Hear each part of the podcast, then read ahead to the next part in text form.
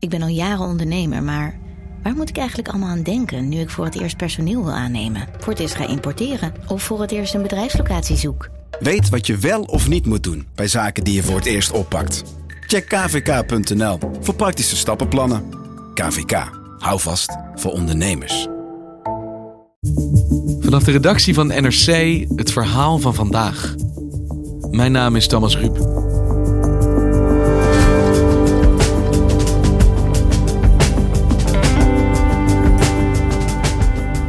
Uitbraak van het coronavirus in Nederland is een nieuwe fase ingegaan. Van rustig aan, geen paniek, was je handen, naar een ongekende inperking van het openbare leven, dat momenteel nagenoeg is stilgelegd. Maar hoe effectief is dit beleid? Zijn we op de goede weg of is dit nog maar het begin? Vandaag probeert Lucas Brouwers, chef van de wetenschapsredactie, de zin te scheiden van de onzin. Wat weten we nu?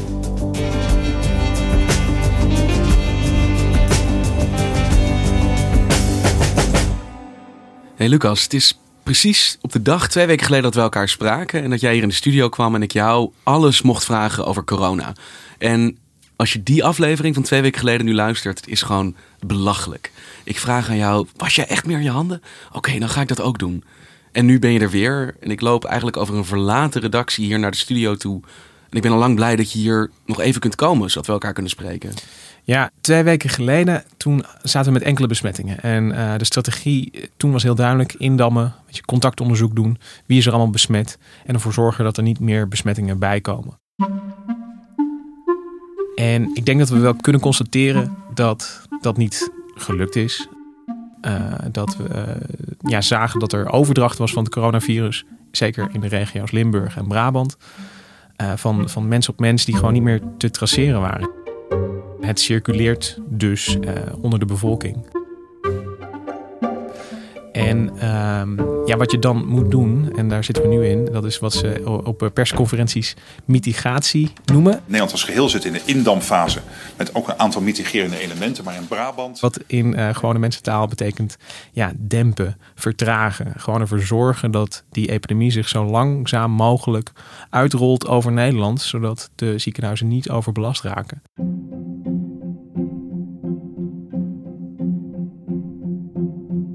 We zitten nu dus in, in de fase van verzorgen dat de bevolking er eigenlijk klaar voor is. Uh, dat ze hun manier van leven moeten aanpassen uh, op sommige aspecten. Om ervoor te zorgen dat die ziekenhuizen niet vol komen te liggen. En nu wordt er dus eigenlijk om de haverklap een persconferentie gegeven waarop nieuwe, verdergaandere maatregelen worden aangekondigd. Ja. Vanaf morgen, 16 maart, tot en met 6 april, dus de komende drie weken, gaat de kinderopvang en de scholen gaan dicht. Met uitzondering voor die kinderen van ouders in vitale beroepen. Zij kunnen morgen naar de plek gaan waar ze anders ook altijd heen gaan. Het begon met een uh, ja, iets wat jolige oproep om geen handen meer te schudden. Dat werd al snel uh, blijf thuis, uh, werk thuis als het kan. En kijk waar we nu zijn. De scholen zijn gesloten, de kroegen en restaurants zijn dicht.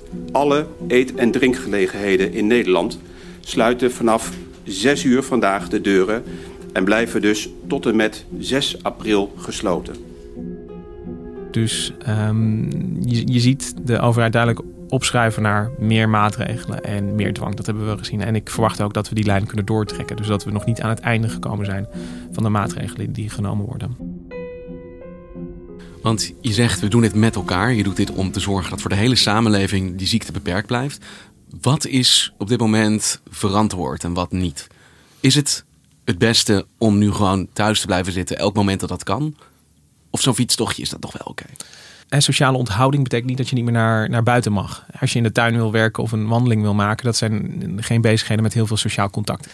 En uh, als je het bekijkt vanuit het perspectief gewoon alleen van de volksgezondheid, en dan laat ik uh, even de, uh, de economische en maatschappelijke kant achterwege, is het beperken van sociaal contact gewoon beter. Dus ga niet naar dat feestje, ga niet naar dat etentje. En om nog één keer, ook deze keer eventjes aan jou vast te klampen. Wat doe jij nu op dit moment wel en niet zelf? Ja, ik, voorlopig is het zo dat ik nog wel naar de redactie kom. Maar veel uh, van de andere mensen van de wetenschapsredactie zitten gewoon thuis op dit moment. Dus maar ja, als leidinggevende wel dan? Ja, in een coördinerende rol hebben wij besloten... is dat handig om hier met coördinatoren nog wel bij elkaar te zitten. Nou, ik heb er zelf dus voor gekozen om uh, het ritje met de metro van station uh, naar de redactie, om dat niet meer te nemen en gewoon te wandelen. Um, en wat is daar de overweging? Ja, toch om, om mogelijk contact te beperken met andere mensen. Mijn ouders die normaal gesproken oppassen op mijn hele kleintje, die, die komen al anderhalve week niet meer. Eh, ik zei twee weken geleden al dat ik mijn handen goed aan het wassen was, maar dat, dat blijf ik ook doen. Dus elke, elke keer dat ik buiten ben geweest of uh, ik heb contact gehad, ik, ik ben in, onder de mensen geweest, dan, maak ik een, uh, een, een mental note van nu even niet meer aan mijn gezicht zitten en straks handen wassen. Hoe accuraat is het beeld dat we hebben van hoeveel besmettingen er zijn in Nederland? Want het is zo dat we cijfers krijgen over hoeveel mensen bevestigd besmet zijn, maar we horen ook dat er weinig getest wordt. We horen ook van mensen die symptomen hebben, maar van wie de GGD zegt, nou we gaan op dit moment nog niet testen. Je hebt altijd uh, wat dan onderrapportage heet, want, want je test niet iedereen. En dat, die kritiek die hoorde ik ook de afgelopen dagen, Thomas. Maar uh, je moet je bedenken, waarom test je? En in die eerste fase, uh, um, wil je dat testbeleid, dat, je, dat je nog denkt van we gaan het indammen, dan wil je heel snel uh, nieuwe gevallen uh, vinden zodat je ze kan isoleren en verzorgen dat ze het virus niet overdragen. Het RIVM hoeft in deze fase niet van iedereen te weten die COVID-19 heeft. Ik snap dat dat een, een individuele vraag is. Hè, van, van als je nu koorts hebt, dan wil je dat gewoon weten. Heb ik het of niet? Uh, hmm. Maar in principe volstaat het advies, uh, uh, als, het, als, als de ziekte niet extreem erg wordt, blijf gewoon thuis en beperk je contact, want dan dooft het als het goed is uit. Um, het RIVM hoeft het niet te weten, zeg ik, omdat zolang zij hun testbeleid zeg maar constant houden, dan, dan neem je wel een soort steekproef en kun je dus wel een idee krijgen voor de dynamiek van de epidemie in Nederland. En dat is wel belangrijk om te zien of die versnelt of niet. Dus, dus als, uh, ik, ik snap dat het heel frustrerend is als, als mensen ziek zijn en, en geen test uh, uh, krijgen. Maar bedenk je dan dat die testen misschien in een later stadium nog veel harder nodig zijn. Want we zitten al in een fase dat al die testen worden gedaan in een soort ja, plastic bakjes. Maar daar is een, een beperkte voorraad van.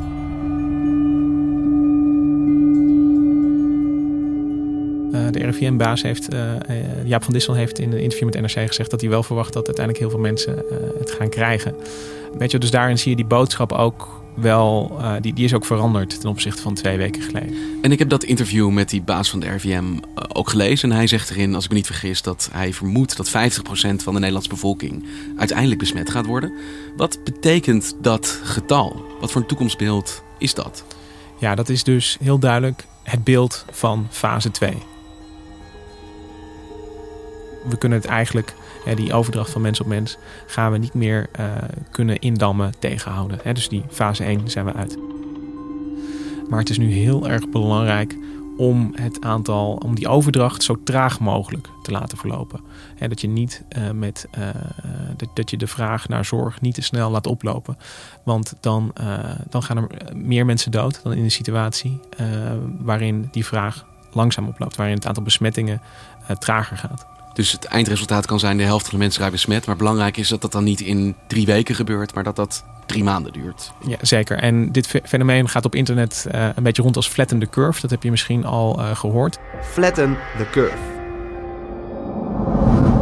Dit model, dat laat zien hoe een epidemie verloopt. Twee plaatjes krijg je daarbij van een, ja, een soort, soort parabool die, die echt heel snel piekt. En een veel meer een afgeplatte uh, groei en uh, daling weer. En het hele idee achter flatten the curve is dus dat je die, als je de overdracht beperkt, beperk je ook de belasting van de zorg. En dan worden uiteindelijk misschien, als je het, de oppervlakte bekijkt onder die curve, worden misschien zelfs wel meer mensen ziek als je het heel erg langzaam laat gaan. Maar de gezondheidszorg kan het gewoon beter bolwerken. En dat is nu binnen de RIVM de prioriteit. Zorgen dat die zorg niet op korte termijn overbelast raakt. Ja, en dat is ook waar iedereen nu op bedacht is in Brabant en Limburg bijvoorbeeld, waar, uh, waar het aantal besmettingen het hoogst is. Maar zelfs als alle maatregelen effect hebben, alles gaat zoals het zou moeten gaan, dan zullen er mensen overlijden. Want het is een, uh, een ziekte die uh, dodelijk kan zijn. Maar daar hoor ik ook hele wisselende verhalen over. Over wanneer dat nou dodelijk is. Weten we daar inmiddels al meer over? de risico categorie, dat, uh, um, dat, dat is wel echt ouderen. Maar het betekent niet dat uh, mensen onder de 50 onkwetsbaar zijn voor deze ziekte. Want de Nederlandse intensive cares zijn voornamelijk ouderen, hoor ik. Maar ik hoor ook dat daar veertigers, dertigers en enkele twintiger ligt. Ja, dat klopt. De helft van de patiënten die nu op de intensive care liggen, is uh, jonger, uh, jonger dan 50. Uh, we weten ook dat mensen die al ja, onderliggende ja, ziekte hebben of een zwak immuunsysteem, dat die ook kwetsbaarder zijn. En dat is ook een hele grote groep. En een deel van de dertigers die het krijgt, die, die sterft ook. Dat is veel kleiner dan het aantal 80-plussers. Voor als je 80 plus bent, is het sterftepercentage, case fatality rate, zoals dat dan wordt genoemd, is uh, meer dan 10%. En dat is voor uh, 30-jarigen echt uh, een factor 100 kleiner. Maar er gaan ook 30ers dood. En dat hebben we ook gezien. We weten van de Chinese artsen. We weten ook van de Italiaanse artsen die inmiddels zijn overleden. En ja, om het toch maar eventjes te vragen. Hoeveel mensen zullen hier mogelijk aan doodgaan? Want als ik eventjes reken, en nou, dat ga ik heel erg grof doen, want ik wil het eigenlijk ook niet precies doen, maar de helft van de bevolking raakt besmet. Er is een sterfte percentage van ergens tussen de 1 en 3 procent. Dan gaan er dus zeker 100.000 mensen dood. Ja, en dat is toch het punt waarop ik ga zeggen dat het heel erg moeilijk is om dit soort rekensommen te maken. Omdat het onduidelijk is um, uh, hoe, hoe lang het duurt voordat die 50% van de mensen ziek wordt. Als, als die mensen allemaal, weet je, als we daar uh, over uh, twee weken in die situatie zitten, dan kunnen we dus niet die optimale zorg verlenen. En dan pakken die rekensommen dus heel anders uit. En dus de sterftepercentages die we nu allemaal binnenkrijgen, die, die zijn uit ja, gebieden die, die een epidemie doormaakt. Dus heel veel ja, zal ervan afhangen van, van kunnen we zo'n scenario vermijden. En, um, uh, maar dat er veel mensen zullen sterven met, met een, op het moment dat veel mensen ziek worden, ja, dat is wel duidelijk. maar ik durf niet te zeggen of dat er duizend zullen zijn, of dat er tienduizend zullen zijn. Of honderdduizend. Of honderdduizend. Je hoort vanuit het buitenland of vanuit Nederland via het buitenland toch wel behoorlijk wat kritiek op de manier waarop Nederland omgaat met deze uitbraak. Dat we toch, ondanks alle maatregelen, te weinig zouden doen en minder doen dan andere landen. Is dat nog steeds zo? Ja, de hele wereld kijkt eigenlijk naar, naar elkaar, zou ik bijna willen zeggen. Want, want in, uh, er is ook ja, volop kritiek op de Verenigde Staten hoe zij de epidemie aanpakken. Er is ook kritiek op het Verenigd Koninkrijk. Uh, dus, dus we zitten ook in de fase dat iedereen elkaar uh, de maat aan het nemen is. Van, van doet iedereen wel genoeg? Ik bedoel, dit is een vijand, hè, dit virus, die we nog aan het leren kennen zijn. Niemand weet wat, wat het beste is op dit moment. En dat is ook wel goed om te benadrukken. Want het is inmiddels bijna een soort begrip geworden, Italiaanse toestanden. En je hoort natuurlijk om de haverklap, dat is dan waar wij mogelijk ook heen gaan. Wat zijn die Italiaanse toestanden nou eigenlijk? Italiaanse toestand is dat um, je eigenlijk toegaat naar een, een, situatie van triage. En triage kennen we, uh, dat is een, een, begrip dat geboren is eigenlijk op het slagveld. Uh, waarbij met eerste hulp gekeken moet worden naar van welke patiënten gaan we uh, het eerst behandelen. Welke mensen hebben de grootste kans op overleven. En dan ben je dus niet um, uh, keuzes aan het maken op basis van welke zorg heeft iemand nodig. Maar dan ben je keuzes aan het maken op basis van welke zorg kunnen we iemand nog geven. En met welke uitkomst. En dat betekent dat je sommige, uh, bijvoorbeeld leeftijdscategorieën, dat je zegt van uh, ja, de kans dat uh, deze persoon het gaat halen, die is veel kleiner dan als we deze persoon gaan helpen. En met een beperkt aantal intensive care bedden, met een beperkte, ja, een beperkte inzet van zorgpersoneel dat je hebt, moeten er in Italië dat soort keuzes al gemaakt worden. En dat zijn uh, echt hele ingrijpende keuzes, ook voor zorgpersoneel om te maken. Want dat is niet waar je voor opgeleid bent, dat is niet wat je, wat je wil doen. Dat, zijn, ja, dat, is, dat is verschrikkelijk. Dal primo marzo ad oggi 38 decessi. We horen ook berichten uit Italië van zorgverleners die inmiddels voor die keuze staan en hoe heftig dat is. in pronto soccorso decidono chi deve vivere e chi deve morire. Eh, als je het over Italiaanse toestanden hebt, dan, dan, dan vat ik het voor mezelf zo samen. Van, van dat je dus niet meer de zorg kan geven die je uh, vanuit ja, medisch oogpunt zou willen uh, geven.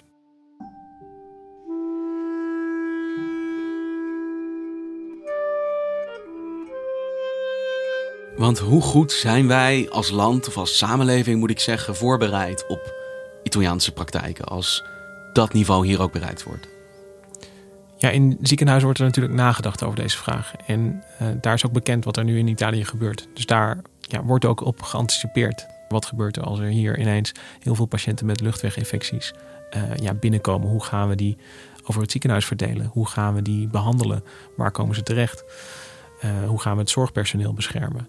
ja, die rekensommen die kun je natuurlijk wel maken. Je weet hoeveel intensive care bedden je in een ja, standaard situatie hebt. En nou ja, als je dat op papier gaat zetten, dan, dan kun je zeggen dat als er 11.000 coronapatiënten in Nederland zijn, dat alle IC's vol liggen. Ja, dus, dus als je het hebt over een, een, maximum aantal ja, zwaar zieke corona- of COVID-19 patiënten, dan ligt dat bij dat soort cijfers tegelijkertijd zit je nu dus nog in een, in een fase dat je misschien die capaciteit kan vergroten. Hè? Dus dat je uh, extra ruimtes in uh, kan richten.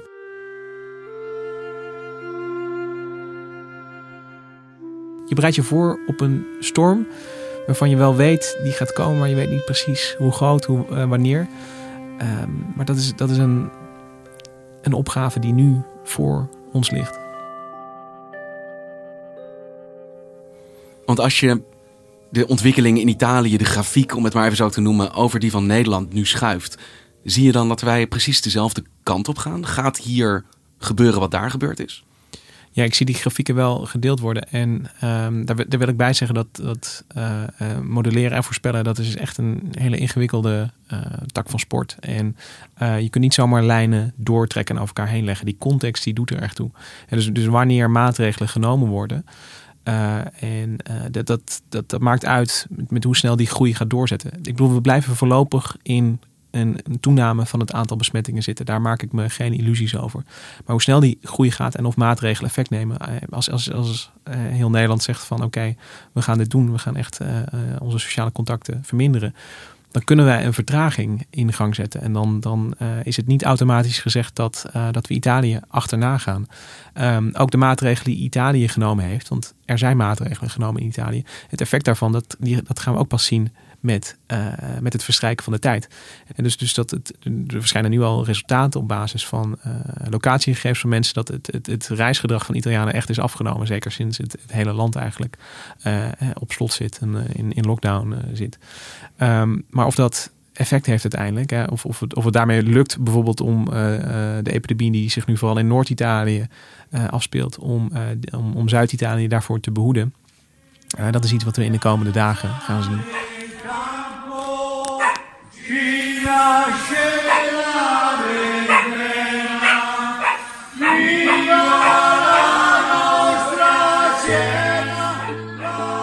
Zijn er landen waar wij naar kijken en waarvan we zien wat zij daar doen, dat is effectief geweest. Daar moeten we van leren. Ja, en helaas zijn dat voorbeelden die, uh, um, die, die, hebben laten zien dat ze succesvol uh, fase 1 konden uitvoeren. En dan moet je naar plekken als Hongkong en Taiwan. En uh, ja, die zijn erin geslaagd om echt, terwijl ze heel dicht bij de brandhaard zaten, bij de grote virushaard in, in China, om met hele vroege detectie, gecombineerd met vrij snelle maatregelen. Uh, om gewoon het, uh, uh, ja, het aantal overdrachten, het aantal, het aantal introducties ook te beperken. Hoe dan? Hongkong heeft heel snel maatregelen genomen, in, al in begin januari, nog, nog voordat, voor, voordat we hier erg goed en wel op de hoogte waren van, van de uitbraak zijn er al maatregelen genomen. Uh, reisbeperking, uh, uh, ook ja, social distancing, waar het heel veel over gaat. Dat werd al heel snel toegepast in Hongkong. En dan vraag jij natuurlijk af waarom is dat waarom? En ik denk toch dat je dan terug moet naar 2003 en de ervaringen met SARS die Hongkong en Taiwan hebben gehad destijds. Luid gejuich in Taiwan. Op een podium werd het woord SARS in letters van ijs helemaal kapot gehakt. Er zijn de afgelopen drie weken geen mensen meer ziek geworden. En daarom maakten mensen deskundigen vandaag bekend dat de ziekte onder controle is. The World Health Organization is removing Taiwan, China from its list of areas of recent local transmission of SARS. Dat betekent dat veel mensen hun beschermingskapje af kunnen doen. Want jij zegt dus eigenlijk dat wij een fase verder zijn dan Hongkong en Taiwan gekomen zijn. Die hebben dat eerder al weten te stoppen. Ja, en, um, en ik kijk ook naar China, die erin geslaagd is om de, een, een, heftige uitbraak in uh, Wuhan en Hubei eigenlijk daar wel uh, tot stilstand te brengen. China zit nu in een fase waarin ze weer alert moeten zijn op introducties van buiten. Dat is wel onzorgwekkend om te zien. En tegelijkertijd, je ziet dat het gezag van, van de Chinese overheid over haar burgers ook veel groter is. En dat, dat mensen daar echt ja, tot, een soort huisarrest opgelegd kan worden. En ja, dat, daar, daar hebben wij in het Westen toch, toch een andere verhouding met onze overheid in. Dus, dus, dus dat zijn maatregelen die je ook niet één op één kan kopiëren. Zijn er achter de schermen nu voorspellingen die worden gezien als de meest waarschijnlijke van waar wij heen gaan op dit moment? Menselijk gedrag is nog het moeilijkste om te vatten in een model. Weet je wat een virus allemaal doet, dat, dat kunnen we heel goed begrijpen. Maar wat, wat mensen doen, of mensen luisteren naar een overheid, uh, of een overheid overgaat tot strenge maatregelen, dat, dat kunnen we niet in een model stoppen bijna. Dus, dus dat maakt uh, het heel erg lastig om de toekomst in te kijken. Op dit moment is het dus zo dat dat allemaal afhankelijk is van hoeverre mensen nu thuis willen blijven. Ja, en dat is tegelijkertijd, als ik daarover nadenk, vind ik dat er tegelijkertijd een, een optimistische en, en tegelijkertijd ook een beangstigende gedachte. Dankjewel, Lucas.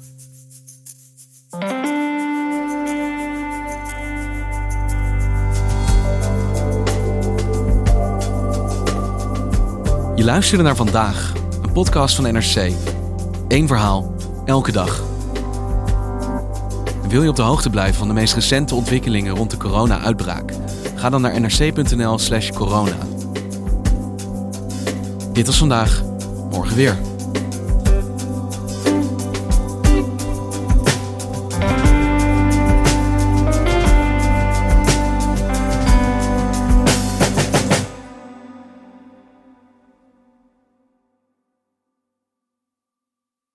Technologie lijkt tegenwoordig het antwoord op iedere uitdaging.